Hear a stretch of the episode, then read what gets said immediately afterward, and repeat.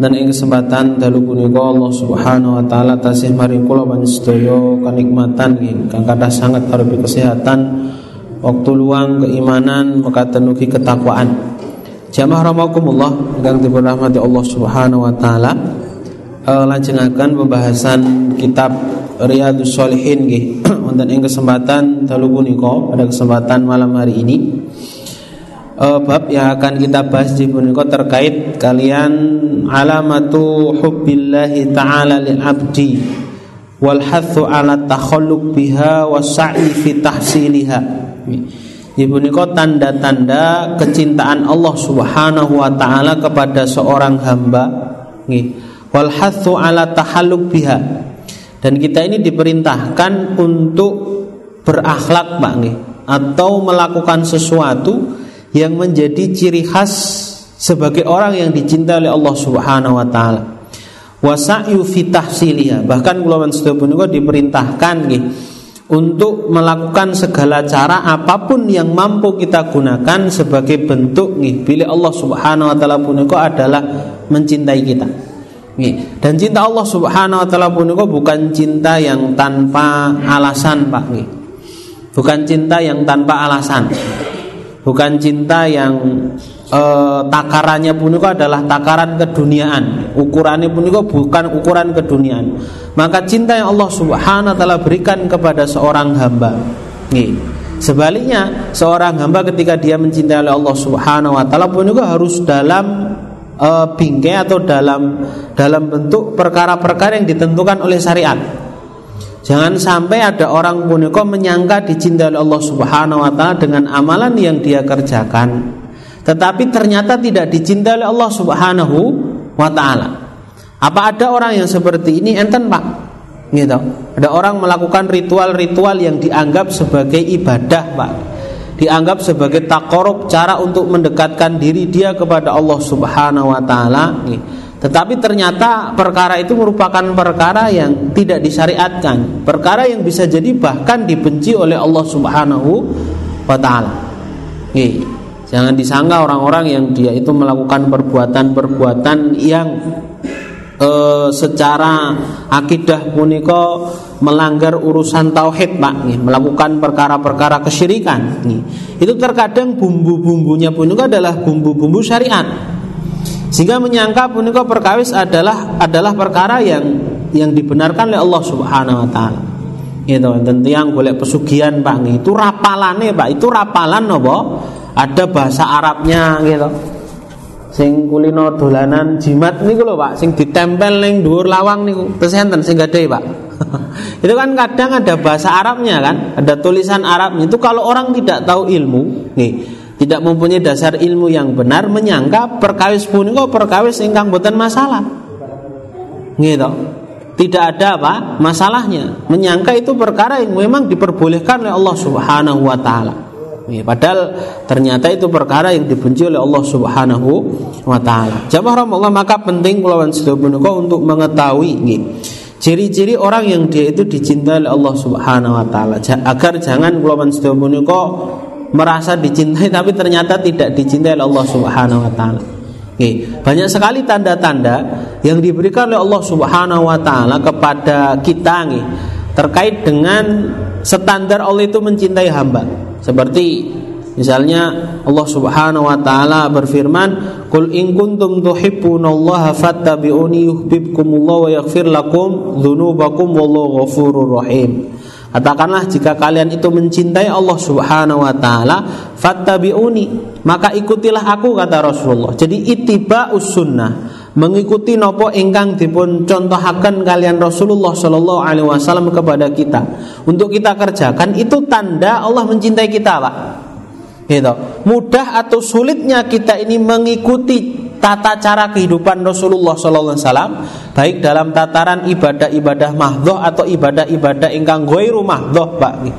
Ini menunjukkan kepada kadar kecintaan Allah kepada kita. Semakin besar, nih, artosipun semakin besar porsi ikutnya kita kepada tata cara Rasulullah SAW dalam menjalani hidup itu menunjukkan nopo kadar besarnya besarnya Allah Subhanahu Wa Taala mencintai kita. Nih. Dalam 24 jam punika kan Rasulullah sudah mencontohkan kepada kita terkait bagaimana kita ini menjalani hidup punika sesuai dengan Rasulullah. Nih. Hatta dalam urusan kholak sekalipun Pak nih, kholak punika masuk ke dalam kamar mandi. Itu syariat punya aturan gitu. Lah kalau kita ini masuk ke dalam kamar mandi punika kita sesuaikan dengan tata cara dari Rasulullah Shallallahu Alaihi Wasallam itu menunjukkan gitu, bila Allah itu mencintai kita. Kalau kita terhalang untuk mencontoh apa yang telah dikerjakan oleh Rasulullah Shallallahu Alaihi Wasallam dalam kesehariannya, baik ibadah ataupun perkara-perkara mubah nih, yang disunahkan untuk kita mencontohnya nih, itu menunjukkan bahwasannya nih, kita terhalang dari uh, kasih sayang atau cinta Allah Subhanahu wa taala kepada kita. Misalnya terkait dengan makan dan minum, Pak nih. Ini terkait yang mubah kan pun. Tapi Rasulullah mencontohkan gitu. Innallaha la yardhu bi 'abdin idza akala aklatan fahamidah. Allah Subhanahu wa taala punika begitu sangat ridho kepada seorang hamba ketika dia makan setiap suap punika mengucapkan kalimat tahmid Pak, memuji Allah Subhanahu wa taala. Gitu. Bayangkan jenengan dahar sak piring menika pinten berapa suap? Pirang emploan itu kan menunjukkan bahwasanya ketika kita jadikan makan kita itu sesuai dengan aturan dari atau contoh dari Rasulullah sallallahu alaihi wasallam gitu. Itu bukan perkara yang kalau dikatakan sulit nggih boten, dikatakan mudah juga ternyata banyak orang yang nggak bisa seperti ini. Gitu loh. Teori ini jenengan ajeng ma'am kok setiap suapan kok mengucapkan itu kan teorinya mudah Pak. Tapi terkadang kita lihat betapa banyak orang yang tidak bisa seperti itu. Gitu. Nah ini perkara yang menjadi patokan bilih kula panjenengan dicintai oleh Allah Subhanahu wa taala atau tidak nih. Bisa diperhatikan seberapa tunduknya hati kita, perbuatan kita kepada contoh dari Rasulullah Shallallahu alaihi wasallam gitu atau makan minum dengan tangan kanan. Tidak pernah mencela makanan. Rasulullah SAW selama hidupnya dereng nate pak komentar terkait dengan panganan. Enten kalian jenengan gitu ya kula barang Pak nggih. Paling pinter kan ngomong wah kurang asin iki ra enak Ya kan? Rasulullah tidak. Rasulullah menika dalam satu hadis dipun jelasaken ma uh, mamasan Nabi Sallallahu uh, apa namanya? Nabi Shallallahu Alaihi Wasallam tidak pernah mencela makanan kot. Kot puniko berarti menunjukkan kepada kalimat yang belum pernah. Selamanya itu belum pernah. Menawi Rasulullah Shallallahu Alaihi Wasallam puniko mencintai atau suka terhadap makanan beliau makan. Nih, tetapi ketika tidak, nih, ditinggalkan. Gitu, ditinggalkan. Ini termasuk bagian dari dari akhlak. Contoh dari Rasulullah Shallallahu Alaihi Wasallam bagaimana kita ini melakukan perbuatan keseharian. Begitu juga terkait dengan ibadah-ibadah ingkang mahdoh pak, pada ibadah yang pokok sholat misalnya. Rasulullah kan menyampaikan solu kama ro'aitumuni usolli Sholatlah sebagaimana aku ini mengerjakan sholat Nih. Maka harus diperhatikan jamaah rahimakumullah pilih salat kula panjenengan sedaya punika. Ketika kita menginginkan itu sebagai wasilah Allah mencintai kita, pastikan sholat kita ini adalah sholat yang sesuai dengan contoh dari Rasulullah Shallallahu Alaihi Wasallam. Nih, jangan nuan sewu hanya sekedar sholat yang kita tahu dari orang lain gitu. Tapi kita harus juga punya dasar. Rukuk yang benar punika kados nopo, sujud yang benar itu seperti apa nih takbiratul ikhram yang benar itu seperti apa salam yang benar itu seperti apa itu harus kita sesuaikan dengan apa yang dicontohkan oleh Rasulullah Shallallahu Alaihi Wasallam. Jangan sampai justru kita mengerjakan sholat, tapi sholatnya pun kok sholat yang jauh dari contoh Nabi. Ini menunjukkan Allah tidak mencintai kita. Jadi cinta Allah Subhanahu Wa Taala kepada hamba pun itu ada alasan. Nih, alasannya apa ya? Bagaimana kita ini menyesuaikan seluruh kehidupan kita itu dengan apa yang dicontohkan oleh Rasulullah Shallallahu Alaihi Wasallam. Ini terkait dengan ayat punikoongi. Terkait dengan ibadah madhu juga uh, ada kalimat kan al amru bi al amru bi wasailihi. Perintah mengerjakan sesuatu itu berarti juga perintah untuk mengerjakan wasilahnya, perantaranya. Allah perintahkan kula sedaya punika nindakaken salat, Pak. Nggih. Tapi salat tidak akan sah dengan wudhu maka mengerjakan wudhu dengan benar nggih. Itu juga bagian dari kewajiban. Banyak kita lihat punika nggih. E, masyarakat Indonesia karena wudhunya punika wudhu yang tidak berlandaskan dengan ilmu nun sewu nggih. Terkadang punika wudhunya bermasalah. Nggih. Dari sisi apa namanya kesempurnaannya Nih, wudhu itu kalau tangan kan harus basuh semua sampai siku kan. Mboten enten ada satu bagian dari tangan punika yang seharusnya terkena air tidak terkena air. Bahkan itu dianggap sebagai kecelakaan. Kecelakaan punika dalam artian suatu yang buruk nih. Wailul lil aqabi minanar kan orang yang ihmal, orang yang nyepelek dalam urusan wudhu. Gitu, ada bagian yang harus terkena air tapi tidak terkena air. Gitu. Dan yang sering kita lihat salah dalam wudhu puniko dalam urusan taslis pak. Taslis puniko sunnah untuk nopo melakukan basuhan puniko tiga kali di tangan, di muka dan di kaki menawi kepala mboten. Di kepala puniko sunnahnya cuma satu pak, bukan tiga kali.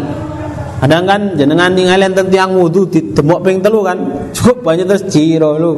Terus napa uh, apa namanya? Telinganya juga diambil dari tiga tiga air itu betul benar tidak ada contoh dari Rasulullah SAW terkait dengan cara wudhu nun sewu membasuh kepala dengan cara yang seperti itu. Dan taslis kok tidak ganti-gantian pak. Nih, kalau sedih kan disunahkan kalau me, me, apa, mencuci tangan itu kan tiga kali. Itu buatan kok gentenan mengko yang kanan terus yang kiri kanan kiri sampai tiga kali buatan. Dan ini sering saya temukan yang seperti ini. Ini salah. Ya, harusnya kanan dulu dibereskan tiga kali, menuju sampun baru kiri dibereskan tiga kali. Nih. Maka tenugi kaki, kaki itu kan juga tiga kali. Nih. Terus menikah nggih. Jamaah kula ingkang dipun rahmati Allah Subhanahu wa taala. Nah, ini menjadi apa namanya? Uh, menjadi tanda pertama kita ini bisa menemukan kira-kira Allah mencintai kita atau tidak. Ini ukurannya kok itiba sunnah. Ukurannya adalah seberapa besar porsi kita ini mengikuti cara hidupnya Rasulullah Shallallahu Alaihi Wasallam. Bukan dunia, pak. In akromakum atkokum itu rumus yang jelas. Ini Allah mencintai seorang hamba itu bukan karena nopo urusan dunia. Kadang kita punya persepsi, wah orang itu berkah hidupnya dicintai Allah, bukti ini Allah sugih, ini pinter, bukti ini bukan itu pak. Nih, tetapi seberapa banyak dia itu menghadirkan dalam kehidupannya injih punika perbuatan yang merupakan itu itiba usuna mengikuti contoh dari Nabi Muhammad Shallallahu alaihi wasallam. Dalam ibadah-ibadah mahdho nopo ibadah-ibadah engkang khairu mahdho dalam menjaga lisan gitu. Terus puniko. Jadi rumusnya gampil Pak. Rumusnya puniko mudah sekali. Selanjutnya pun jamaah rahimakumullah. Yang menjadi tanda cinta Allah Subhanahu wa taala kepada kita nggih. Injih punika disebut dipun sebataken uh, Imam Nawawi wonten ing kitab Riyadhus Shalihin punika Ya bener firman Allah Subhanahu wa taala dan ing surat Al-Maidah ayat 54. Nggih.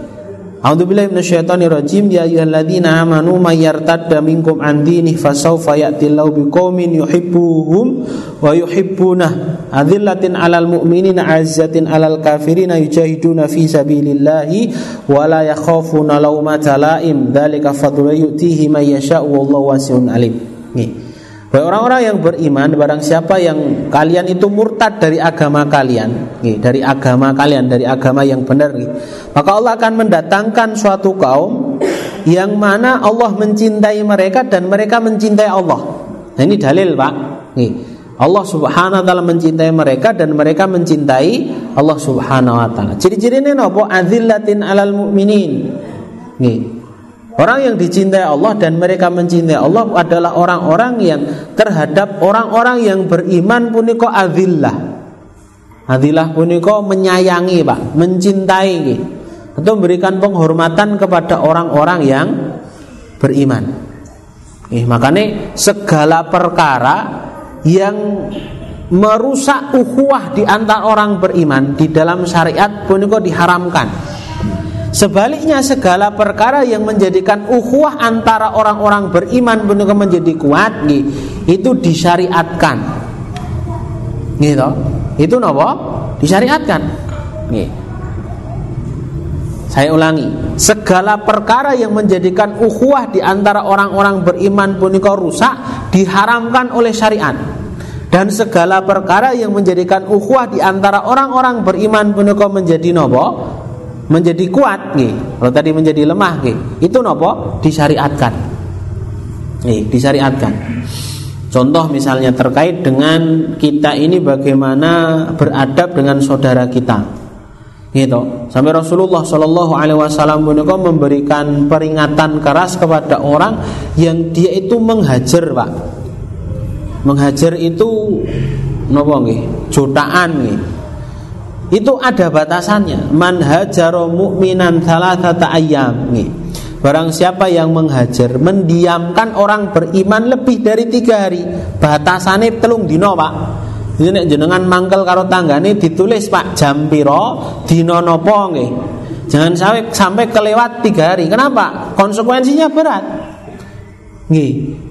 Termasuk bagian daripada kekafiran. Kalau kita ini menghajar tidak memberikan kesempatan orang beriman untuk kita berikan kebaikan. Dan jenengan mangkel sama seseorang nih. Itu kalau jenengan tidak mempunyai kelapangan hati, kan akhirnya kebaikan-kebaikan yang harus jenengan berikan kepada orang tadi kan terhalang. Gitu, jenengan punya turahan panganan misalnya kan, atau punya kelebihan harta nih.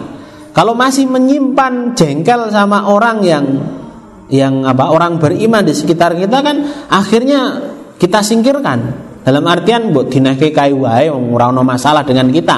Ojo dinahke ngarep omah kuwi iki bar gelut karo ah. Ya kan? Akhirnya apa kebaikan yang harus kita berikan pun kok terhalang. Nih, terhalang. Dan kebaikan-kebaikan yang lain. Ngoneng masjid nggih. Sing dijodak kuwi manggon ning kidul. Padahal sing selok kidul jenengan. Itu manggon neng lor akhirnya milih soft sing lor nggak nggak mau jejer. itu kan jadi banyak sekali kan madorot dari itu. Memutus hubungan persaudaraan kepada orang beriman itu nanti nopo e, dampak daripada madorotnya pun kok banyak sekali. Nih banyak sekali. Bahkan terkadang enten yang punika mungsuan pak. Itu diwariskan dengan anak-anaknya pak enten ten iki nggih itu anaknya diceritakan pokoknya nek karo kae bapak iki Ini kan perkara yang nggak benar nih, perkara yang tidak boleh. Orang beriman punika nggih se selemah apa pun iman dia, tetap pulau pansedo punika punya kewajiban untuk memberikan nopo kasih sayang kepada mereka. Nih, berikan kasih sayang kepada mereka nggih. Jamaah pun aizzatin alal kafirin. Orang-orang beriman punika yang dicintai oleh Allah Subhanahu wa taala Ciri selanjutnya adalah yaitu nopo aizah. Aizah menika adalah e, keras terhadap orang-orang kafir. Dalam artian kekafirannya pak.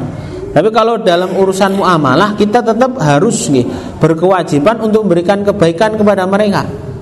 Nih aizah alal kafir ini harus diperhatikan karena kekafirannya karena kekafiran puniko asad dzulman termasuk kedoliman yang paling besar Gitu. Kalau kita ini memberikan ruang kebaikan kepada kekafiran seseorang, gitu, itu berarti ngelunjak sama Allah, Pak. Gitu. Nah Allah Subhanahu wa taala saja benci kepada kekafiran yang nempel pada seseorang. Nih, kekafiran yang nempel pada seseorang mengancamnya dengan hodop kemarahan, mengancamnya dengan neraka, mengancamnya dengan tidak akan diampuni dosa-dosanya, tidak akan bermanfaat amal-amal kebaikannya. Lah kok kita memberikan ruang kebaikan dalam artian kekafirannya kepada orang kafir tadi terkait dengan kekafiran itu berarti kan apakah kita merasa lebih tinggi dari Allah Subhanahu wa taala? Jadi seperti itu harus diperhatikan kekafirannya Pak. Tapi kalau dalam hak-hak muamalah keseharian harus kita berikan. Mboten angsal jenengan utang karo wong kafir terus wah kafir rasa disaur. Mboten angsal. Gitu atau dengan orang kafir jenengan duwe tonggo pas mudik lunga nggih terus peleme awah itu colongi wae jupuki wae ora apa karena punya orang kafir. Mboten angsal. Dalam urusan muamalah keduniaan tetap kula panjenengan punika harus memberikan kebaikan kepada mereka. Tapi yang harus kita perhatikan adalah karena kekafiran yang mereka kerjakan. Terus menikah. Adillatin alal mu'minin azzatin alal kafirina yujahiduna fi sabilillah. Berjihad fi sabilillah. Ciri yang ketiga nih.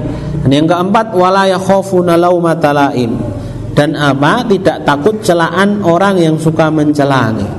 Amargi pun apa? Jawab Allah orang beriman punika nggih sebaik apa pun dia nih, pasti ada orang yang mencela. Nanti enten tiang punika berdoa kepada Allah Subhanahu wa taala agar tidak dicela oleh orang pak karena nek dilokke punika kan ya menyakitkan kan ada satu yang memang tidak kita inginkan menimpa pada diri kita itu kan direndahkan kehormatan kita ya dilokke lah bosok Jawa nih Yani orang tadi itu berdoa kepada Allah agar tidak ada orang itu yang mencela dia. Tidak ada orang yang mencela dia. Maka ditegur oleh Allah Subhanahu wa taala. Lalu Allah Subhanahu wa taala punika zat yang maha sempurna. Gitu. Bahkan memberikan kebaikan kepada orang yang tidak mau beribadah kepada Allah Subhanahu wa taala. Orang kafir kan masih diberikan kesempatan hidup. Kadang rezekinya luwih okeh Pak nih. Allah yang maha sempurna, yang maha pemurah, yang maha bijaksana nih. Yang maha napa memberikan rezeki, mematikan, menghidupkan nih dengan posisi seperti itu aja masih ada makhluk pun kok orang-orang yang mencela Allah. Ya kan? Orang Yahudi mengatakan ya duloi maghlulah tangan Allah Subhanahu wa taala punika napa? Terbelenggu. Allah itu punya anak. Itu kan suatu pelecehan yang besar sekali. Nih. Apakah mereka tidak tahu terkait dengan kesempurnaan Allah? Mereka punya ilmu terkait dengan maksudnya Allah itu punya sifat-sifat yang mulia. Toh walaupun seperti itu nih, masih ada orang-orang kok yang mencela Allah Subhanahu wa taala. Lah kok kula panjenengan sedoyo yang jauh dari sifat kesempurnaan kok tidak menginginkan ada celaan dari makhluk. Nah ini mustahil, Pak. Perkawis punika perkawis ingkang mustahil. Jadi orang baik punika bukan orang yang tidak pernah dicela mboten Kecuali dicela karena keburukannya. Gitu gawane nyolong gawane ngapusi ya itu memang pantas itu dicela tetapi orang yang me, nopo, e, menjadikan kehidupannya pun kok berusaha untuk menjalankan kebaikan kok tetap ada orang yang mencela nggak usah khawatir gitu toh karena toh kula panjenengan kok beribadah berbuat baik ini kok bukan karena makhluk kok tapi karena Allah Subhanahu wa taala kan Sampai saya pernah menjelaskan nih, pilih agar kita ini bisa ikhlas dalam beramal. Nih, ketika kulopan sedominiko beramal, bayangkan kita ini sedang bermuamalah kepada Allah bukan kepada makhluk. Bukan kepada makhluk. Karena kalau kepada makhluk ibtighok kita. Jadi harapan kita itu ada walaupun tidak 100% Pak, mungkin hanya berapa persen nih. Itu kepada makhluk nih. Pasti nanti pasti ada sesuatu yang mengecewakan kita. Tapi kalau karena Allah tidak akan pernah. Gitu. Misalnya kalau sedaya punika berbuat baik kepada orang. Gitu, memberikan sesuatu kepada orang maka bayangkan kita ini sedang nopo menjalankan perintah Allah Subhanahu wa taala untuk bersedekah. Yang kita harapkan itu pahala dari Allah. Jangan mengharapkan suatu itu dari makhluk. Nih ngarep-arep yo saya tak bantu soalnya aku duwe susah yo. Walaupun tidak terucapkan ada dalam hati itu loh Pak. Itu kan harapan nih. Kalau orang puniko seperti itu suatu saat tidak ada apa namanya tidak ada cashbacknya tidak ada balasan kebaikan orang akan menyesal gitu. Jenengan bantu tiang toh. Terus pas jenengan susah ternyata wonge punika ora bantu ngaruh ke nggih mboten keloro-loro jenengan. Akhirnya nanti diungkit-ungkit kan. Biar wis tahu tak bantu kok yo. Nah, gitu nah, akhirnya pahala yang kita dapatkan akan hilang. Salah satu pahala pun kok bisa hapus pak nih karena kita mengungkit-ungkit. Walatu betilu sodakotikum bil wal ada kata Allah. Dan janganlah kamu itu membatalkan pahala sedekahmu itu dengan al mani itu apa ya? Al ada ada itu gangguan. Mani itu menyebut-nyebut gitu loh. Nih. Kalau ada itu mengganggu. Mengganggu itu dalam artian kalau kita ini sudah misalnya lawan sudah pernah memberikan suatu kepada orang. Terus kita ini dalam kondisi susah. Kita ingin dibantu oleh orang tadi Nih, kita ingin dibantu oleh orang tadi. Akhirnya kita tampakkan kalau dulu itu kita pernah bantu, nih. entah disindir, entah lewat orang lain, nih. Itu kan kita ganggu. Dalam artian ganggu ngeten nih loh Pak. Bisa jadi orang tadi tidak membantu kita karena nopo apa yang ada pada diri dia itu memang baru dibutuhkan. Dia butuh bondo yang dia yang dia punya itu loh. Gitu. Nah kalau kita menampakkan kekurangan pada orang tadi berarti kan ganggu. Nih, misalnya Arab jalan-jalan atau beli perabot seharga sekian, uangnya sudah disiapkan sekalian nih.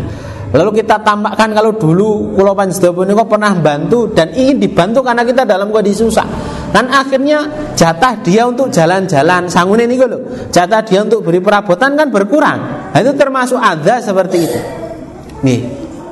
Makanya orang itu kalau mengharap ridho manusia goyatun latudrok pak Nih, dia tidak akan pernah mendapatkan kepuasan yang adanya lah kekecewaan. Nih, makanya kalau kita ini berbuat baik, jangan karena komentar orang. Pastikan kita berbuat baik puniko karena perintah dari Allah Subhanahu wa taala. Urusan orang puniko mau balas nopo mboten bukan urusan kita, urusan kita berbuat baik gitu loh. Gitu. Hatta kalau dia itu membalas kepada kita dengan perbuatan buruk nih Abu ini kok malah sebagai ladang kita mendapatkan pahala yang banyak. Pahala syukur dan pahala bersabar. Eh, terus punika nggih. Jamaah rahmatullahi kang dipun rahmati Allah Subhanahu wa taala. Selajengipun nggih, termasuk ciri Allah Subhanahu wa taala punika mencintai kita, mencintai hamba nggih.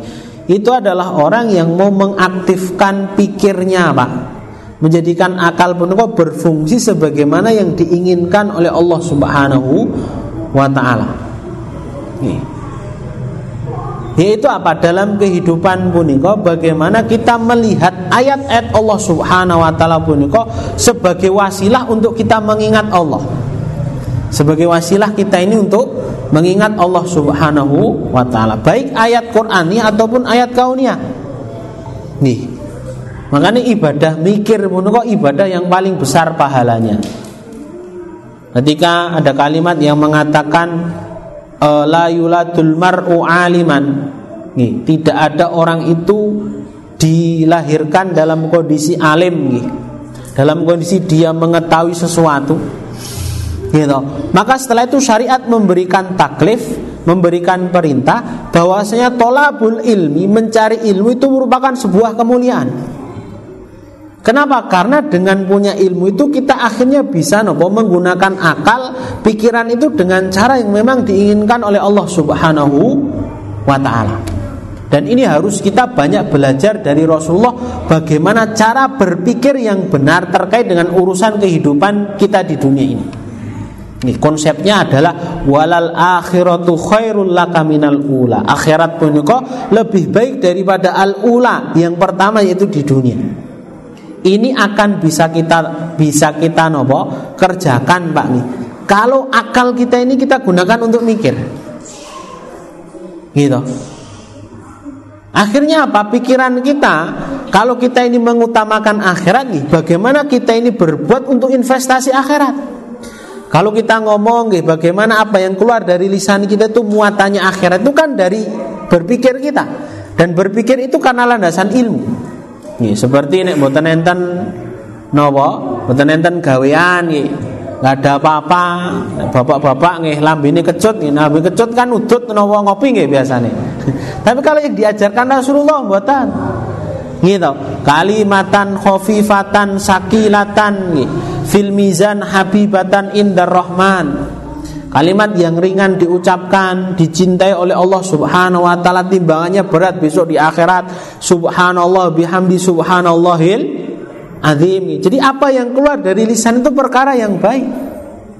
Gitu loh. Kenapa? Karena ada pandangan dia ingin nopo kehidupan di akhirat menika kehidupan yang lebih baik. Sehingga waktu luangnya punika muatannya zikir. Apalagi dalam kondisi dia punika semangat ready untuk beribadah. Nggih.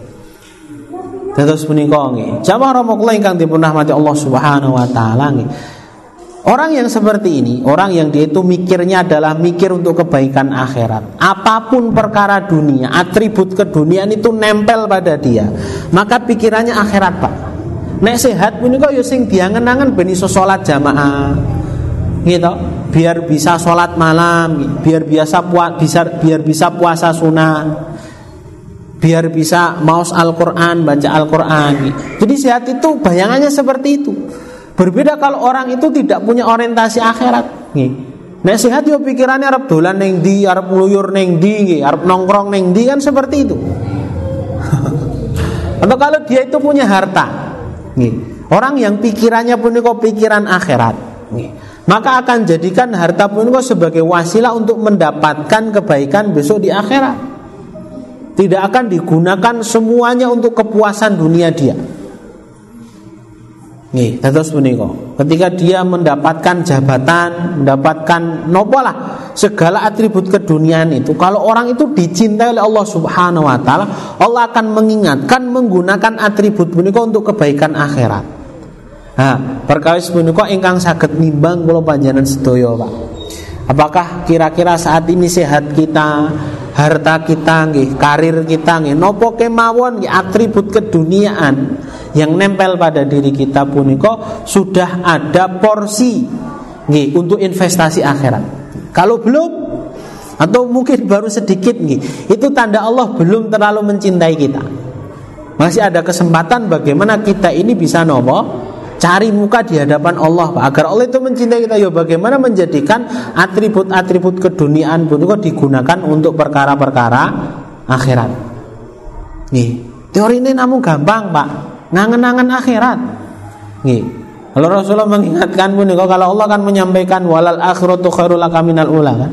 Kalau Rasulullah napa? Akthiru dzikra. Perbanyaklah kalian itu mengingat penghancur kenikmatan gitu loh. Kematian Orang itu kalau kematian sudah talak tiga kepada dunia harta yang dia kumpulkan, kesehatan yang dia jaga, anak-anak yang dia didik untuk sukses kehidupan pun ditinggal kayak pak. Ya kan? Itu kalau kita ngengen-ngengen terkait dengan kematian itu kan ya bagaimana kita ini bersiap-siap untuk punya bekal setelah kematian. Nih. Jadi kalau orang kok pikirannya terkait dengan akhirat kok bener bagus. Itu dalam urusan akhirat kok jor-joran, Pak. Orang hitung-hitung pak. Jadi tidak pernah mengeluh kalau sholat malam kok dia betah setengah jam, satu jam betul. Nih, tidak pernah mengeluh terkait dengan waktu-waktu ibadah. Nih. Kurung adzan kok orang malah sambat loh bang, kok adzan meneh Seakan-akan ibadah pun kok ganggu urusan dunia dia gitu loh. Iya karena pikiran dunia pun kok lebih besar pak. Nih. Kenapa yo? Karena tidak mengaktifkan cara berpikir akhirat meniko. Mau sekali-kali kita ini menganggap dunia puniko sing ganggu loh pak. Gitu. Kok ini cepet banget bisa arep ngisa mbok terusnya nganti jam songo misalnya. Atau ibadah itu loh. Kok wis arep ngurusi dunia meneh. Jadi seperti itu. Jadi memang rasa rindu kita ini terhadap akhirat itu muncul dari ilmu yang benar, dari cara berpikir yang benar gitu. Terus menika nggih. Jamaah rahimakumullah ingkang dipun rahmati Allah Subhanahu wa taala. Selanjutnya terakhir nih saya tutup pembahasan bab terkait dengan tanda-tanda cinta Allah Subhanahu wa taala kepada kita nih. Perlu diperhatikan bahwasanya nih, keuntungan kula panjenengan sedaya punika nggih, keuntungan kula punika dicintai oleh Allah Subhanahu wa taala. Itu apa? Allah Subhanahu wa taala punika akan terlibat mengarahkan kita dalam setiap fase kehidupan kula panjenengan sedaya. Sehingga dalam setiap kegiatan kula panjenengan sedaya akan dipandu oleh Allah agar tidak digunakan e, sebagai perkara yang dibenci oleh Allah Subhanahu wa taala. Orang itu kalau dicintai Allah, ngomong punika hati-hati, Pak. Nih, orang itu kalau dicintai Allah melihat sesuatu itu ngati-hati. Nih, ngati-hati bukan karena kuatnya iman dia, tapi juga karena Allah Subhanahu wa taala memberikan kekuatan kepada orang tadi. Nih, dia itu mencari nafkah hati-hati. Memasukkan sesuatu ke dalam mulutnya pun itu hati-hati. Membawa rezeki ke dalam rumah pun itu hati-hati Selalu disesuaikan dengan apa yang diinginkan oleh Allah subhanahu wa ta'ala. Maka tidak akan tergiur dengan perkara-perkara yang itu dibenci Allah subhanahu wa ta'ala. Jadi keuntungan kulo panjenengan sedaya punika dicintai oleh Allah subhanahu wa ta'ala punika akan diarahkan kehidupan kita itu kehidupan-kehidupan yang diridhoi oleh Allah Subhanahu wa taala. Tanda paling besar pun itu kita akan dijauhkan dari maksiat, Pak. Dijauhkan dari maksiat. Itu tanda paling besar Allah Subhanahu wa taala punika mencintai kula panjenengan sedaya Kalau kita ini punya masalah dibantu itu kan tambah ringan. Gitu. Mboten enten yang punika punya masalah nih. Punya gawe kok dibantu tambah abot apa kok Berarti sing bantu rai kelas niku biasane nggih. Ngarep-arep nggih to. Misale rewang nggih, tapi luwih nggawa luwih akeh, Pak. Nggo mulih mesti. rewang terus omahe ora masak nggih. Ngandalke kan enten sing ngoten niku. Berarti itu ora bantu itu kan. Ya, tapi kalau bantu yang benar-benar itu akan menjadikan beban pekerjaan itu jadi ringan. Lah kehidupan kita ini kan faida farok tafangso berpindah dari satu kesibukan kepada kesibukan yang lain. Nah itu kalau Allah terlibat nih dalam menyelesaikan seluruh permasalahan kehidupan itu akan kita merasa ringan. Nih, paling tidak ringan hisapnya besok di akhirat pak. Kan ngoten niku. Nih, jangan disangka ringan dulu kalau serana masalah. Buat orang beriman itu justru nanti banyak masalah. Gitu. Masalah bagaimana mengamalkan ilmu itu loh. Itu tambah masalah, tapi Allah membantu kita. Paling tidak ringan hisap kita besok di akhirat. Itu kan masalah yang paling utama. Nih, mau mboten enten tiang punika ora di masalah mboten enten, Pak. Ora duit ya masalah kan. Ora iso tuku sego, ora iso dolan-dolan. Jenengan duit duit ya masalah. Duitnya sithik masalah, duitnya oke ya masalah kan. Sing duitnya oke bingung arep arep ngecake duit niku lho, Pak. Jadi seperti itu nih. Jadi seluruh masalah itu nih akan dibantu oleh Allah Subhanahu wa taala untuk kita ini menyelesaikannya. Sampai pada tataran kehidupan kita karena kehidupan kita ini kan nggak semuanya tertawa, Pak. Nggak semuanya bahagia. Ada yang menyedihkan, ada yang ngenes. Itu dalam perkara-perkara yang ngenes menyedihkan sekalipun kalau Allah itu terlibat nih, maka apa akan menjadikan rasa berat itu terkurangi bahkan hilang. Contohnya sinten Nabi Ayub alaihissalam. Nabi Ayub itu adalah nabi yang mendapatkan cobaan yang begitu sangat besar, Pak. Penyakitnya itu bertahun-tahun merusak jasadnya. Nih, diting uh, hartanya habis, istrinya pada pergi semua. Gitu. Sampai ada satu yang mengisahkan kan Nabi Ayub pun ketika dalam kondisi sakit tubuhnya digerogoti uget-uget nih napa? Set nih itu jatuh dimasukkan lagi kok. Dia mengatakan ini adalah napa? Beliau mengatakan ini adalah makhluknya Allah Subhanahu wa taala yang berhak untuk hidup. Nih. Jadi melihat satu musibah itu sebagai rezeki dari Allah Subhanahu wa taala. Justru dengan seperti ini ada makhluk Allah yang bisa mengambil rezeki dari nikmat yang ini tidak akan bisa seperti itu kalau tidak di Bantu oleh Allah Pak. Kita ini kalau mendapatkan musibah kan kadang konsentrasi pada musibah tadi. Itu duit hilang kan? Was Mesti disalah ke mau kok ke orang tenanan nih lali neng di kan? Orang nutup nopo? Orang dikunci kan macam-macam. Bingung konsentrasi pada musibah tadi. Kuncinya itu apa? Kalau kita ini mendapatkan musibah ingat nikmat Allah subhanahu wa taala yang lain Misalnya duitnya hilang sak yuto bang, ternyata isi duit tabungan 10 yuto. Alhamdulillah 10 yuto nih sih. Gitu, jangan konsentrasi yang itu, konsentrasi sing ono nih lo. Ya, kadang kita ini kan tidak imbang antara mendapatkan sesuatu dengan kehilangan sesuatu. Gitu. Bayangkan saja dulu toh kita nggak punya nek rano ya wis kan. Wong biyen yo ya orang duwe yo ya tetep urip bahasane bodone kan ngoten niku. Jadi kita ini orang beriman tuh memang harus banyak sering untuk menghibur diri pak. Nih, karena urusan dunia pun kok sebagus apa pun sebanyak apa pun. Sampai semewah apa pun itu pasti ada ada ruang untuk kita ini nanti kecewa. Nih, itu maka kita harus nih, mencari bagaimana cara Allah itu mencintai kita karena nanti dampaknya Allah itu akan ikut terlibat dalam setiap permasalahan kehidupan kita dan masalah pun akan menjadi ringan bahkan manusia tanpa beban. Ngoten niku Allah alam bisawab. Nun ngapunten mugi-mugi manfaat nggih. Kita lajengaken pertemuan yang akan datang. Ada pertanyaan? Jih, Pak. So. Nggih.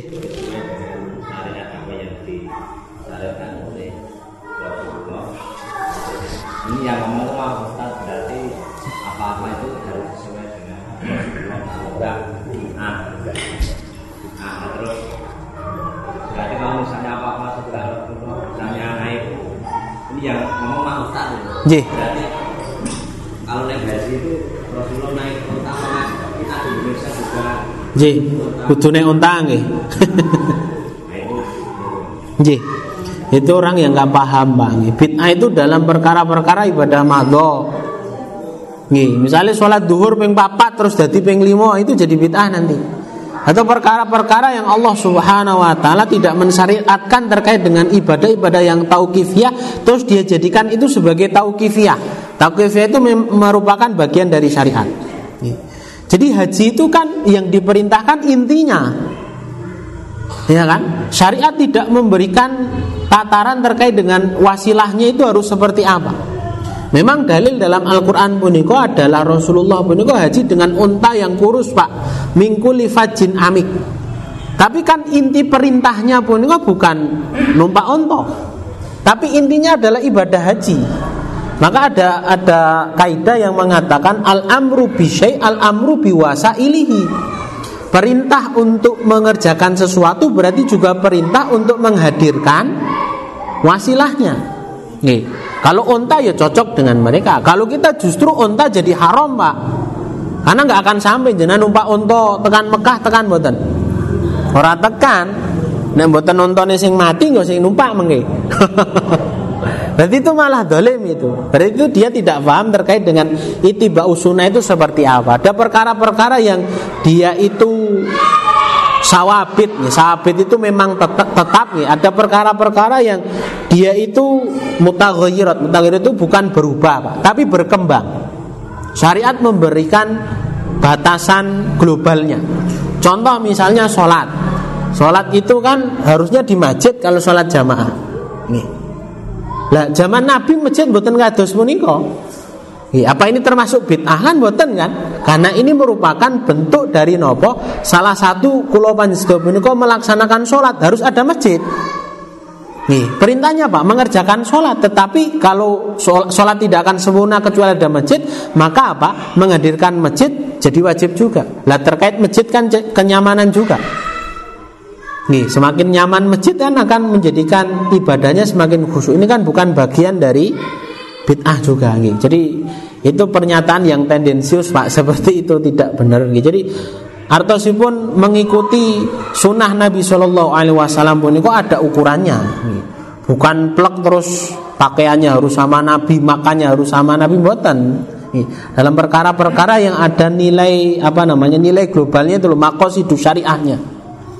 Gitu. Misalnya makan tata cara makan Nabi Nabi mangan roti, mangan kurma Nah, kita di tempat yang tropis gitu, buatan cocok kan? Nih, kalau kita mangan kayak gitu ya masuk angin nih. Karena ibadahnya ya terhalang kan nggak seperti itu. Terus itiba usunah kok dalam perkara-perkara yang uh, ibadah-ibadah yang memang tauqifiyah. Nggih. Wonten niku Pak, alam bisawab nggih. Sampun? Nggih, Bu. Terakhir.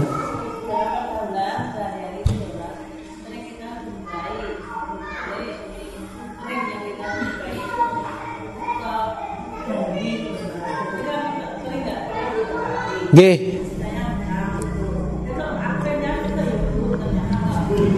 Oh nggih.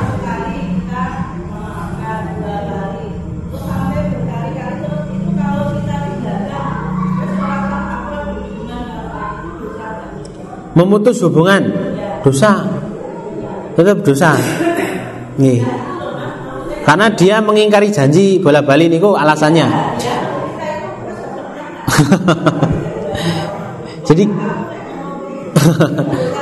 Jadi gini Bu, jadi memang hutang piutang itu perkara yang sampai di dalam Al-Qur'an pun nggih terkait dengan proses hutang piutang itu menjadi ayat yang paling panjang. Karena ini kalau tidak hati-hati bisa menjadikan hubungan silaturahmi punika putus. Nggih. Maka dalam hutang piutang punika harus ada adab-adabnya agar keburukan-keburukan punika tidak ada di kemudian hari. Seperti menghadirkan saksi. Terus ada tulisan Tulisan punika hitam di atas putih, terus tempo. Bahkan kalau perlu ada domannya, ada barang jaminan. Barang jaminan punika dalam rangka nanti ketika jatuh tempo kok ternyata mboten apa? Dia mengingkari janji ya tinggal barang jaminannya dijual, diambil senilai dengan hutang, sisanya dikembalikan. Udah selesai. Nih. Jadi terkadang kita ini uh, dalam urusan hutang piutang pun kok rusak karena adab-adab syar'inya pun tidak diperhatikan. Nih, yo masalah sing utang kadang masalah yo sing utangi barang. gitu, sing utangi gampang utangi wong tanpa diseleksi, wo ini masalah orangnya kan. Nih, yang utang juga gampang hutang sama orang tidak memperhatikan terkait dengan komitmen mengembalikan. Jadi seperti itu. Jadi kalau jenengan tanya kita ini terus memutus silaturahmi orang yang nggak mau bayar hutang itu tetap nggak boleh. Caranya seperti apa? Ya tinggal diambil barang yang dia punya seharga dengan hutang, ya sudah nanti dicairkan. Itu cara yang paling elegan. Atau kalau cara yang paling baik, ini paling baik nih, itu diikhlaskan. Tapi ini bukan artinya pilihan bukan pilihan yang harus nih. Kalau kita mampu kuat diikhlaskan baik nih. Ngoten niku Bu. Mulalam biswab nih. Jadi ampun dijodak Bu. Ngoten niku kita lanjutkan pertemuan yang akan datang. Kita tutup dengan doa kafaratul majlis. Subhanakallah bihamdika. Assalamualaikum warahmatullahi wabarakatuh